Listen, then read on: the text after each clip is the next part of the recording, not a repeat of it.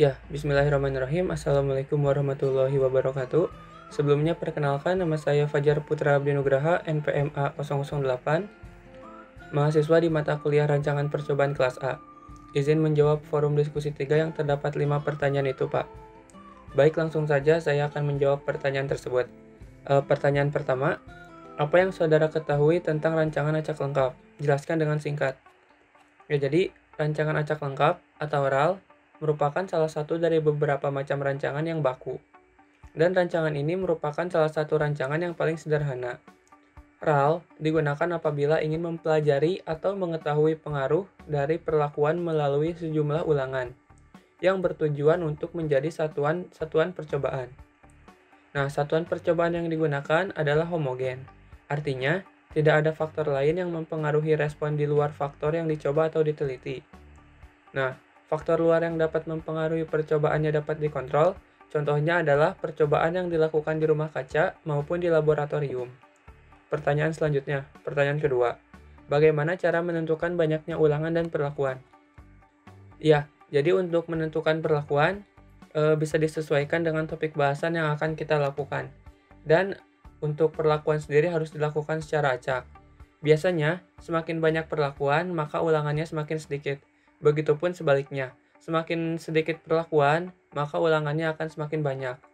Kemudian, untuk menentukan banyaknya ulangan itu, ada rumusnya, yaitu e, T-1 dikali R-1 lebih besar sama dengan 15. T itu treatment, dan R itu replikasi. Treatment itu perlakuan, dan replikasi itu merupakan ulangan. Ya, pertanyaan ketiga. Apa fungsi dari analisis varians atau ANOVA dan uji F? Tes ANOVA berfungsi mencari variasi di antara perlakuan. ANOVA merupakan sebuah analisis statistik yang menguji perbedaan rata-rata antar grup. ANOVA sendiri merupakan singkatan dari Analysis of Variance, yang merupakan prosedur uji statistik yang mirip dengan uji T.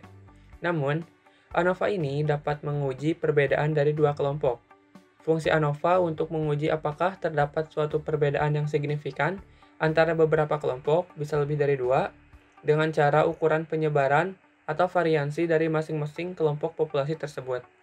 Selanjutnya uji F.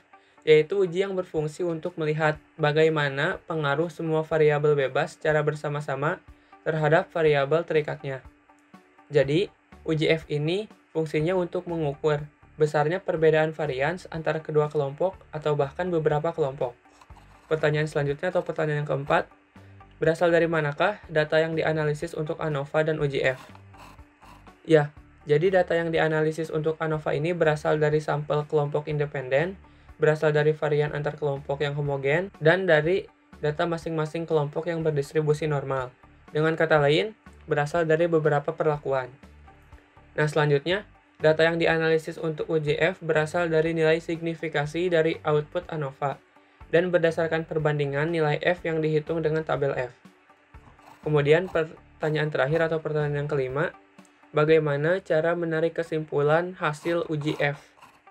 Ya, jadi untuk menarik kesimpulan uji F ini harus memperhatikan apakah perlakuan yang dilakukan itu berbeda signifikan. Maksudnya perlu diperhatikan seperti ini.